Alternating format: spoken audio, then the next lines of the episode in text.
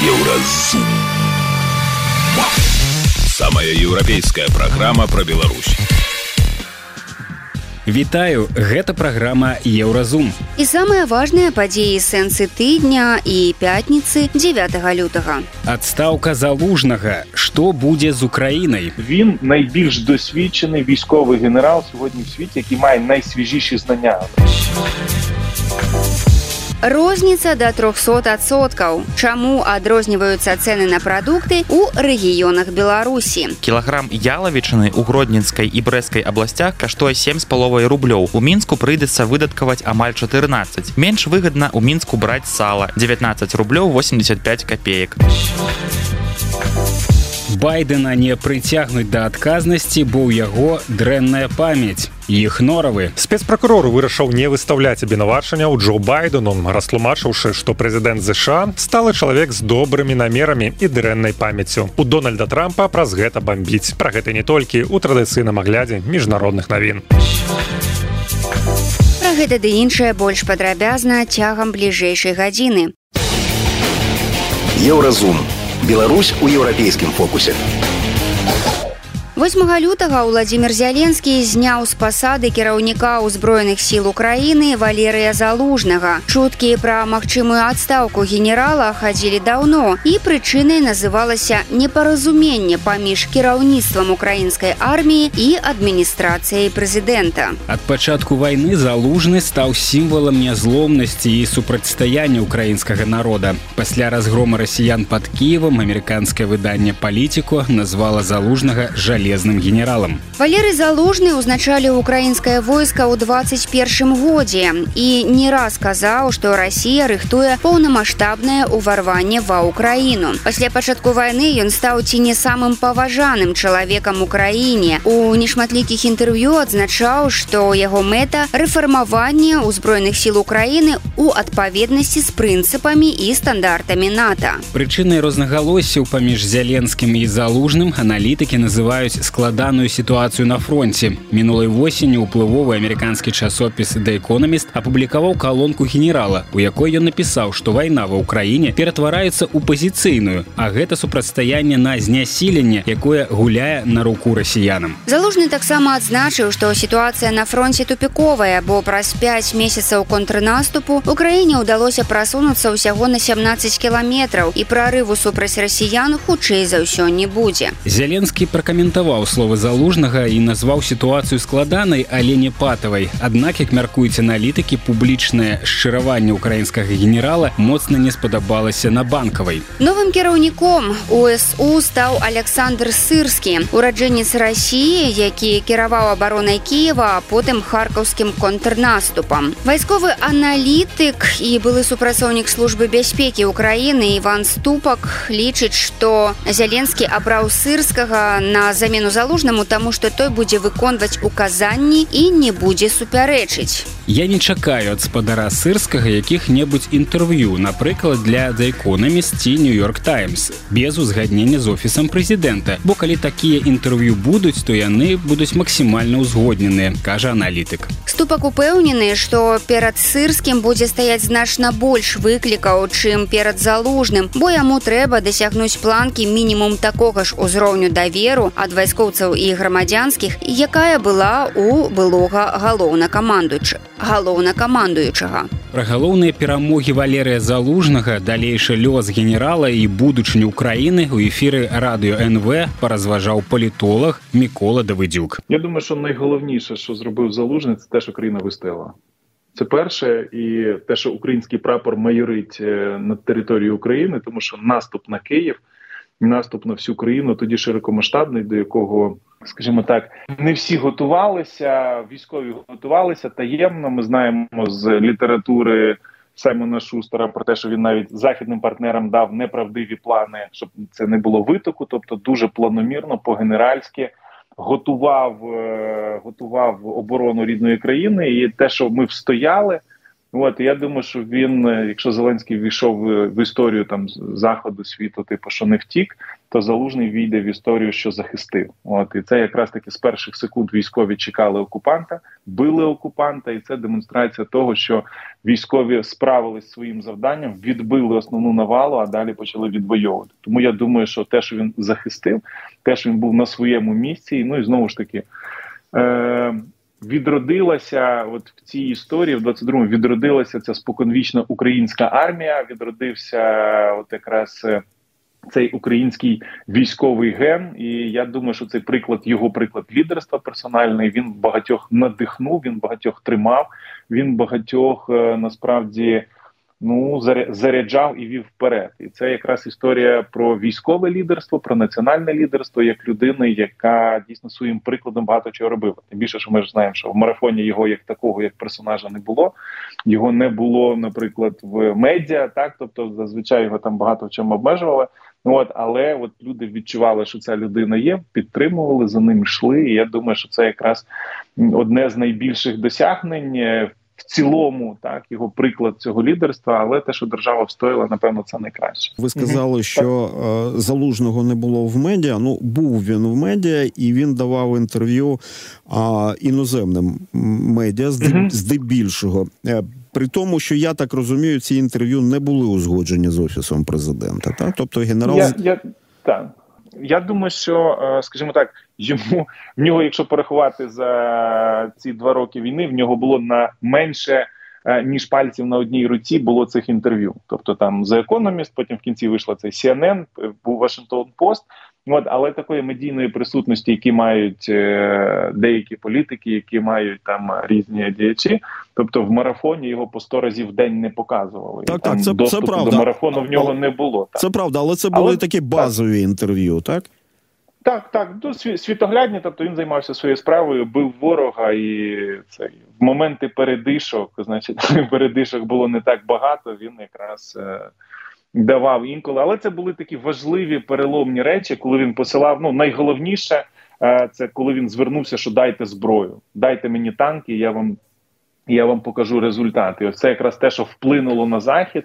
От я думаю, що це якраз е, для України дуже важливо щоб цей голос з України був почутий. Ну і зараз важливо, щоб його далі чули. Тому що для е, давайте так для Європи і для світу залужний найбільший військовий авторитет по Україні. Із середини і ззовні, тобто це найбільше досвіду, людина, яка знає найбільше, яке найсвіжіші знання. Ну от зараз вийшов е, журнал Time, що це перша війна штучного інтелекту. От е, друге, що ці те, економіст вийшов, що це там війна дронів. Тобто він найбільш досвідчений військовий генерал сьогодні в світі, який має найсвіжіші знання. На вашу думку, як Україна використає досвід і силу Валерія Залужного? Я думаю, що зараз було б найправильнішим рішенням е, відправити його в великий тур по заходу він зміг би повернути інтерес до України, і повірте, його присутність в Вашингтоні допомогла б проголосувати. Вона б мобілізувала всіх конгресменів просто в єдину партійну підтримку. Присутність от такого живого е, бойового генерала. От вона б мотивувала, і це було б якраз е, це. То я думаю, що от його зараз місія могла би бути мобілізовувати світ для України. Тобто, да, можливо, він не головнокомандуючий, але, типу, чи можна цей ресурс використати на суперкористь для країни? Так, він міг би зібрати найбільший пул зброї і завести її сюди. Під нього б дали жива емоція війни, жива легенда війни, яка приїжджає в ваш парламент, в ваш уряд, в ваш. Тобто зробіть там 10-20 країн, куди він міг виїхати, і це могло б акумулювати просто суперресурс для країни він міг би й далі бути корисним для країни, навіть не будучи на посаді, будь-якій, навіть будучи без посади, його ім'я дає йому можливість е, виступати, говорити, звертатися. Знову ж таки НАТО, Вашингтон, Брюссель європейські столиці, він міг би мобілізувати дуже багато. Головне, щоб йому не заважали виїжджати, щоб не ставили палки в колеса. Просто дайте йому працювати на країну, навіть не даючи посаду. Але від цього буде надзвичайно великий притік допомоги. Захід від нас багато в чому втомився від меседжів. Ще щось це може бути нова. Е, Нова якраз кров, е, новий інтерес до країни, тому що є новий герой. Його цікаво буде побачити, почути. От я думаю, що це це знову ж таки це не про політику, не про політичні речі. Це те, як ви правильно сформулювали запитання, те, що цікаво для країни. Так, країни цікаво, що з нами всіма буде. От його як ресурс людський можна використовувати в тому числі для залучення суперважкого ресурсу військового. Тобто випустіть його зараз за кордон, щоб він поїхав. Він ні разу ж не був за кордоном. Тобто, це буде супер шалений інтерес до України через нього. Він може бути провідником, в тому числі цього інтересу. Ось це для нас зробить надзвичайно велику послугу. Якія змены магчымыя ва ўкраінскай арміі пасля адстаўкі валерыя залужнага і прыходу на яго месца Александра сырскага працягвае палітолог мікола давыдзюк Ну, я думаю, президент хоче нову стратегію. Це те, що говорили дипломатам на закритих зустрічах. Те, що коли їх прозвонювали, що хочуть нових ідей, нової стратегії, нової динаміки.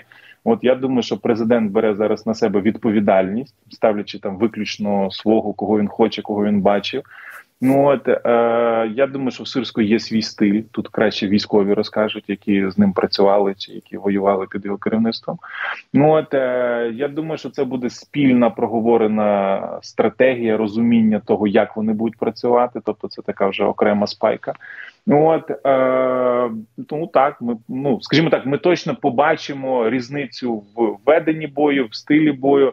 От, ну зараз ми не можемо прогнозувати, як це буде і що це буде. знову ж таки, теж треба розуміти, що частина це має бути військовий секрет, в тому числі, так навіть якщо ми щось знаємо. Ну тому що ми не повинні розкривати ці карти перед ворогом. Ну от, але об, обновлення цього складу це теж окремий сценарій, який ми бачимо на цей рік. Обновлення складу, і дивіться, як події розгортаються. Та щойно інформація із Сполучених Штатів Америки.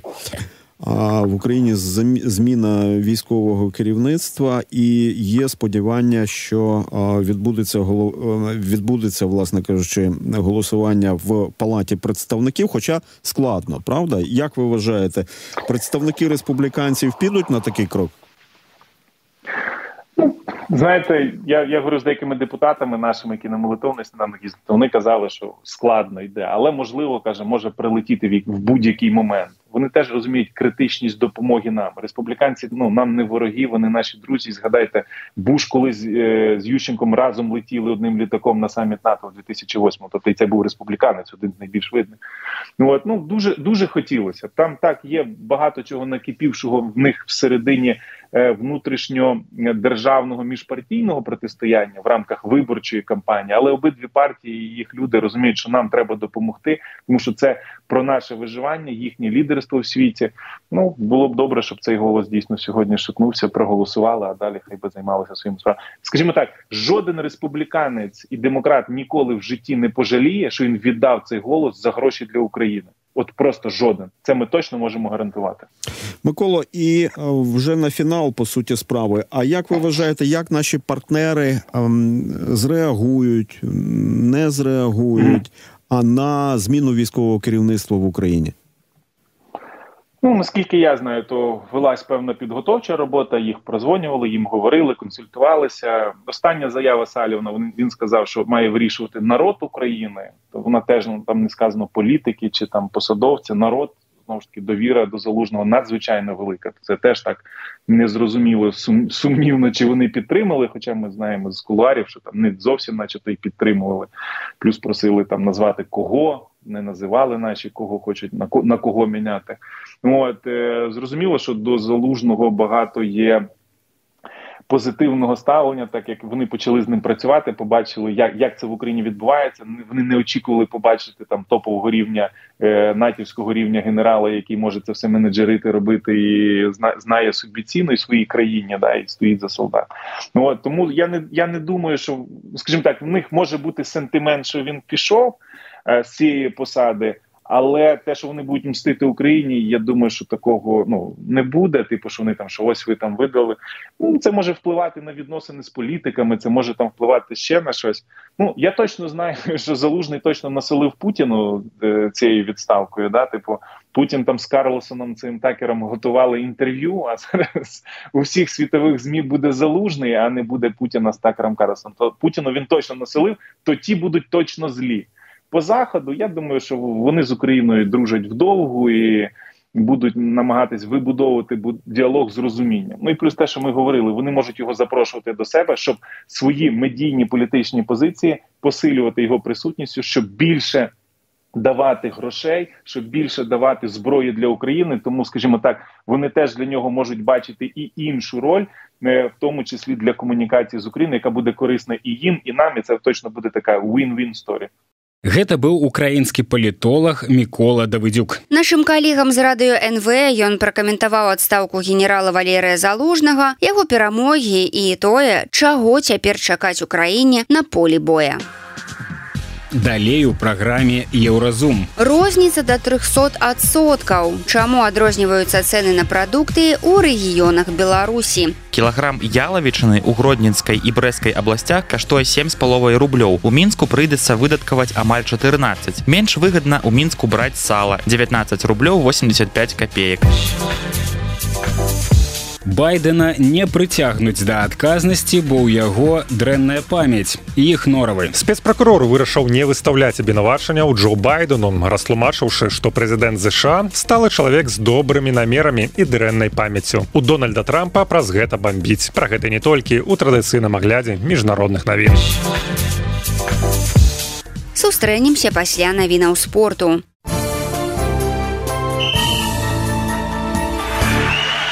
на еўрарадыё навіны спорту. Вядомыя сапернікі футбольнай зборнай беларусі ў лізе нацыі. Гэта зборныя люксембурга балгарыі і паўночнай ірландыі. Першы матч беларусаў прызначаны на 5 верасня з балгарыяй ён умоўна хатні паколькі будзе праведзены на нейтральным полі за мяжой у Міжнародная федэрацыя футбола выступіла з тлумачэннем сітуацыі з сіняй карткай. Некаторыя спартыўныя выданні паспяшылі паведаміць, што яе пачнуць паказваць арбітры, выдаляючы гульцоў з поля на 10 хвілін. Аднак на топ-узроўнях гэтага не будзе. Пакуль гаворка ідзе толькі пра выпрабаванне новаўвядзення на больш нізкіх узроўнях заўзятарам гонконга вярнуць 50соткаў кошту білетаў з-за адсутнасці на футбольным поле ліянеля мэсі ён атрымаў пашкоджанне і не прымаў удзел у таварыскай гульні паміж інтэрам маямі і зборнай гонконга 38 тысяч чалавек купілі квіткі за 125 долараў але змаглі пабачыць легендарнага футбаліста толькі на лаве запасных у другім тайме яны нават скандавалі мы хочам мэсі арганізатарам матчу давялося прыносіць свае прабачэнні а Навічком баскетбольнага клуба Барысфен з Магілёва стаў 27гадовы форвард Цімафей Пароляў. Два гады таму ў яго выявілі анкалагічнае захворванне. Ураджэнцу Крычава, які раней выступаў за Цмокі, давялося браць працяглую паўзу ў кар'еры і праходзіць лячэнне. У выніку баскетбаліст перамог хваробу і вярнуўся ў вялікі спорт. Гэта былі навіны спорту на Еўрарадыё. Заставайцеся з намі.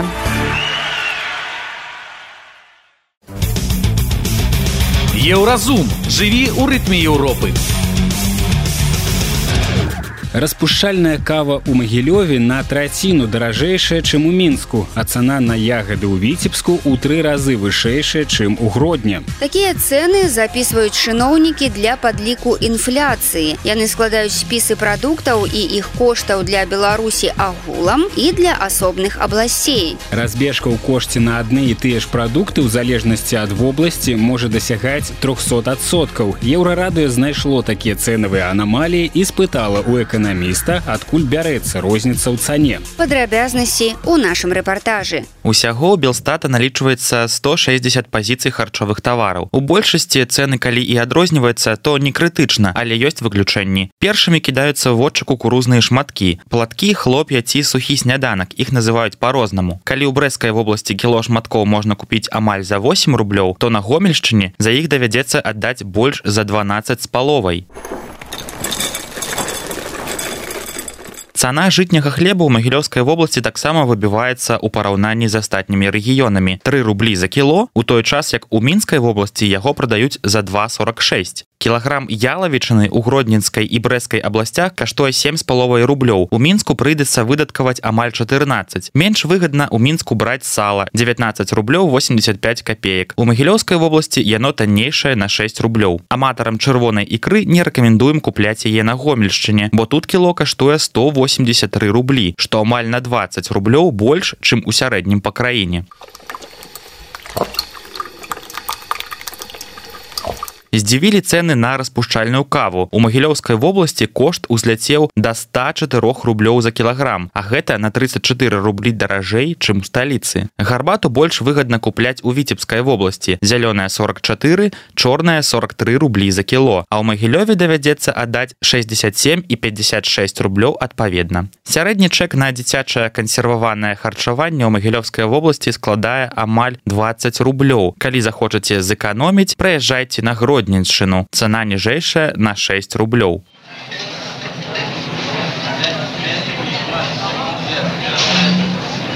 А дзе ў беларусі танна схадзіць на абед? Напрыклад комплекс з чатырох страў у гродненскай вобласці ў сярэднім абыдзецца ў 12 рублёў 40 копеек аналагічныя пазіцыі ў брэскім рэгіёне будуць даражэйшымі прыкладна на 11 рублёў. Старшы навуковы супрацоўнік эканамічнага цэнтра бюрок Анастасія лузгіна сцвярджае што цэны на адны і тыя ж тавары ў розных абласцях сапраўды адрозніваюцца. Гэтая тэндэнцыя зусім не новая. Такое назіралася і раней. І звязаная яна з шэрагам шэрагам фактараў если этот э, там продукт питания там либо не знаю какая-то вещь э, там непродовольственные э, товары производятся в беларуси э, то здесь зависит э, от того э, какие предприятия по какой цене поставляют э, в том либо ином регионе э, эти э, товары то есть э, например вот там может быть брестской области в основном э, продаются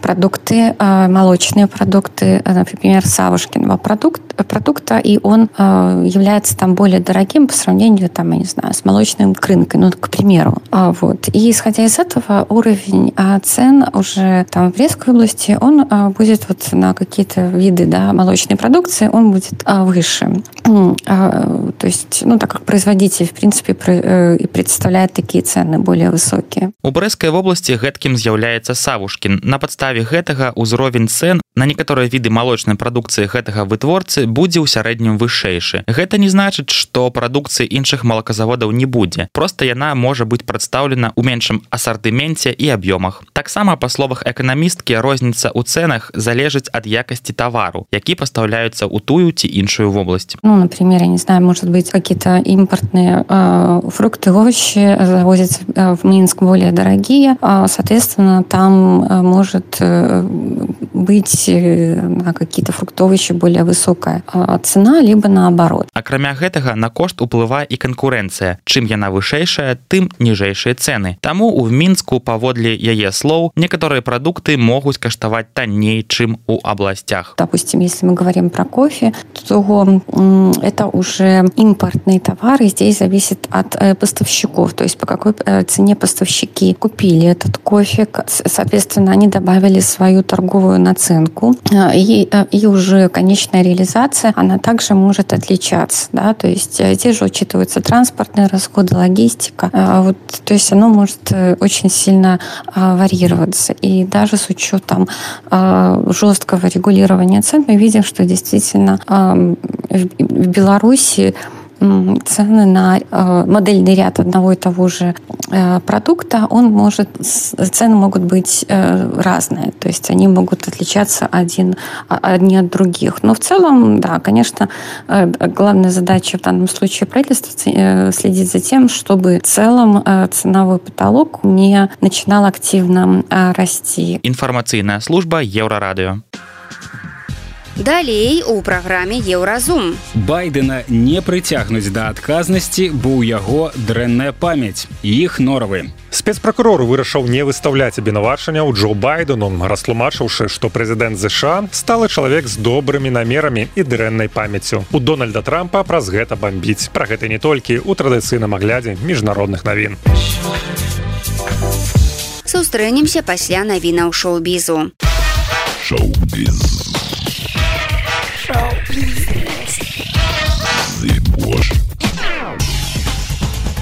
Вітаю гэта навіны шоу-бізу беларус дмітрый саўян які падаў заявку на еўрабачанне ад польшчы выпусціў другі сінгл ён называется город кахання гэта іранічная балада да дня святого валянціна песня прасякнутая духам 80-х і натхнёная серыяй дыскаў кшталту платінум романтик хитс вол 20 і кліпамі з касет vhs гаворыцца ў апісанні да музычнага відэа 38гадовы дмітрый саўян хоча ісці на еўрабачанне з песняй в калёрку амаретто беларус выступае як акцёр актор і комік вядзе свой папулярны тыкток у якім вядомы як пан сав'ян У Маскве за неаплачаныя штрафы шукаюць грамадзяніна Беларусі блогера улада бумагу. За перавышэнне хуткасці неаплачаную паркоўку ён павінен заплаціць 3500 расійскіх рублёў. Гэта менш за 40 долараў. Судовыя прыставы расійскай сталіцы яшчэ летась адкрылі 6 выканаўчых вытворчасцяў. Пра гэта сведчыць база федэральнай службы судовых прыставаў. Выданне шот адзначае, што беларус з'ехаў у Дубаі, што ён з канца мінулага года мае яшчэ запазычанасць перад падаткавікамі на 278 8 тысяч расійскіх рублёў гэта каля трох тысяч долараў пры гэтым штомесяц 27гадовы ўлад бумага атрымлівае каля мільёна долараў на сваім кантэнце ў соцсетках а гадавы абарот яго кампаніі за мінулы год склаў каля 5 мільёнаў долараў зорка самай папулярнай трылогіі пра бэтмена крысціян бейл пачаў будаваць вёску для дзяцей сірот пра гэта пішуць заходнія сМ па словах крыніц выдання за холлівуд рэпартёр бейл і яго кампанія тугезера каліфорнія пачалі праект па будаўніцтве невялікай вёскі для дзяцей якія засталіся без бацькоў судзячы па плане забудовы непадалёк ад лас-анджелеса з'явяцца 12 новых хат а таксама некалькі прасторных кватэр цікава што будаўніцтва дамоў для сірот даўняя мара зоркі галівуду праект акцёр выношваў цягам 16 16 гадоў усё з-за напружанага графіка працы і пастаянных пераездаў а таксама выхавання уласнага дзіцяці. Гэта былі навіны шоу-бізу. Заставайцеся на хвалях еўрарадыё.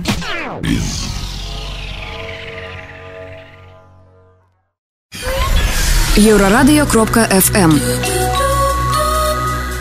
У медалях алімпіяды ў парыжы будзе жалеза з эйфелевай вежы. На сыходзячым тыдні арганізатары гульняў прадставілі публіцы ўзнагароды, у якія умантаваныя жалезныя жытоны шасцікутнай формы. Яны выкаваныя з металалому, які застаўся пасля рамонту вежы. Гэта магчымасць для спартсменаў узяць з сабой дадому частачку парыжа, бо эйфелева вежа самы галоўны сімвал сталіцы Францыі. Мяркуе крэатыўны дырэктар алімпійскіх гульняў Тьеры Рэбуль. Металалом з вежы доўгія гады захоўваўся на сакрэтным складзе. І вось да алімпіяды адна з парыжскіх ювелірных фірмаў распрацавала дызайн узнагарод, а самі 5084 медалі будуць выраблены манетным дваром Францыі. Моне де Парі. На вонкавым баку алімпійскіх медалёў у цэнтры намалявана грэчаская багіня перамогі Ніка, а па баках афінскі акропаль і тая самая эйфелева вежа. Алімпійскія гульні ў парыжы пройдуць з 24 ліпеня па 11 жніўня. Пакуль невядома, колькі беларускіх спартоўцаў выступяць на спаборніцтвах, але рабіць яны гэта, калі будуць то пад нейтральным сцягам. Ну і як вы напэўна зразумелі, у нашым эфіры традыцыйная рубрыка ехноравы, у якой мы распавядаем, як жыве свет, пакуль Расія запускае ракеты па ўкраіне, а яе прэзідэнт хлусіць у сваіх інтэрв'ю і прыдумляе гісторыю, якой ніколі не існавала спецпракурору вырашыў не выстаўляць абвінавачання ў Джо байдену растлумачыўшы што прэзідэнт ЗША сталы чалавек з добрымі намерамі і дрэннай памяццю у дональда трампа праз гэта бомбіць пра гэта не толькі у традыцыйным аглядзе міжнародных навін кім чынын заявіў што кндр мае законнае права знішчыць паўднёвую карею у любы момант гэтая заява прагучала пасля таго як у пачатку года дыктатар выключыў канцэпцыю мірнага аб'яднання з нацыянальнай палітыкі сваёй дзяржавы паводле кім чын іна правильно правільна называць паўднёвую карею галоўным ворагам і на падставе гэтай законнасці яна можа быць атакаваная і знішчаная ў любы час перад гэтым дзяржаўнае агенцтва кCNA паведаміла што парламент паўночнай кареі адмяніў законы пра эканамічнае супрацоўніцтва з паўднёвай кареі паглыбіўшы крызіс у адносінах паміж суседзямі з пачатку года рэжым кіма ўзмацніў кампанію ціску на паўднёвую карею правёўшы выпрабаванне крылатых ракет выкарыстоўваючы рыторыку пагроз у адрас сеула і ініцыяваўшы знос помнікаў пхеньяне якія сімвалізуе надзеі на аб'яднанне Армія ЗША закрыла праграму стварэння разведвальна-баявога верталёта новага пакалення фьюча атак Recon Aircraft. Галоўная прычына адмены праграмы стаў аналіз досведу сучаснай вайны. Пра гэта паведамляе The Warzone. На поле бою, асабліва ва ўкраіне, мы даведаліся, што паветраная разведка фундаментальна змянілася. Датчыкі і зброя, усталяваныя на розных беспілотных сістэмах і ў космосе, сталі больш распаўсюджанымі, далейшымі і таннейшымі, чым калі-небудзь раней заявіў начальнік штаба арміі ЗША генерал Рэндзі Джордж. Варта азначыць, як украінскія, так і расійскія сілы панеслі значныя страты верталётаў падчас баявых дзеянняў і прынялі тактыку, скіраваную выключна на тое, каб трымаць гэтыя платформы як мага далей ад патэнцыйных пагроз. HBO нарэшце знайшла замену мілашу бікавічу які мусіў здымацца ў трэцім сезоне серыяла белы лотас на яго месца зацвердзілі балгарскага акцёра Джуліяна костава 34гадовы костаў зрабіў кар'еру ў Великабрытаніі там ён здымаўся ў кінастужках гаворачы на розных замежных мовах англійскай іспанскай італьянскай польскай рускай і румынскай сваю новую ролю серыялы белы лотас акцёр пакуль не каментуе вядома толькі тое што працэс здымак пачнецца ўжо зусім хутка у пачатку студзеня HBO объявила, что сербский актер Милаш Бикавич сыграе ў серыяле белы лотас на гэтую сітуацыю адрэагавала міністэрства замежных спраў Украіны у ведомстве раскрытыкавалі HBO за запрашэнне акцёра які атрымаў узнагароду ад владимира Пуціна за ўклад у расійскую культуру у пачатку лютага HBO ўсё ж таки скасавала контракт з бікавічам прэзідэнту ЗША Джо байдену не будуць выстаўляць абвінавачванні у неналежным захоўванні сакрэтных дакументаў про гэта гаворыцца ў дакладзе спецпракурора по гэтай справе роберта хёра адмова ад выстаўлення абвінавачвання ўтлумачыцца тым фактам што байден супрацоўнічаў са следствам і яго будзе цяжка прызнаць вінаватым судзе бо ён сталы чалавек з добрымі намерамі і дрэннай памяццю у высновах спецпракурора зазначаецца што падчас допытаў у кіраўніка белага дома былі зафіксаваныя значныя абмежаванні ў памяці так прэзідэнт забыў у якім годзе пачалася і калі скончылася яго дзейнасць на пасадзе віцэ-прэзідэнта акрамя таго як сцвярджаецца ў дакладе дакладзе байден не памятаў якім годзе памёр яго сын бо пасля публікацыі даклада байден выступіў перад журналістамі эмацыйна адкінуўшы сцвярджэнні пра праблемы з памяццю я пожылы чалавек з добрымі намерамі і я ведаю што я чорт пабяры раблю я прэзідэнт і я паставіў гэтую краіну на ногі а Пракаментаваў ён дадзеную хёрам характарыстыку байден прывітаў рашэнне спецпракурора не выстаўляць абвінавачванні заявіўшы што цяпер пытанне закрытае дональд трамп вядома такое рашэнне раскрытыкаваў цяпер пацвердзілася існаванне двухузроўневай сістэмы правасуддзя і неканстытуцыйнага выбарачнага пераследу напісаў у сацсетках экс-прэзідэнт ЗША які зноў прэтэндуе на гэтую пасаду. Трампа таксама абвінавачваюць у неналежным захоўванні сакрэтных дакументаў. Падчас ператрусу ў ягоным доме ў 2022 годзе супрацоўнікі ФБР канфіскавалі 11 скрыняў сакрэтных дакументаў якія ён не вярнуў у нацыянальны архіў пакідаючы пасаду прэзідэнта. Трамп не прызнаў віны і назваў абвінавачванні палітычным пераследам. Суд па гэтай справе прызначаны на травень 2023 года але хутчэй за ўсё будзе адкладзены мехасельін еўрарадыё еўрарадыё твоя улюбёная хваля Гэта была праграма Еўразум, штодзённы інфармацыйны падкаст еўрарадыё. Кожны дзень мы распавядаем пра самыя галоўныя навіны Беларусі і свету. А сённяшні выпуск скончаны. Беражыце сябе. Пачуемся. Еўразум. Самая европейская программа про Беларусь.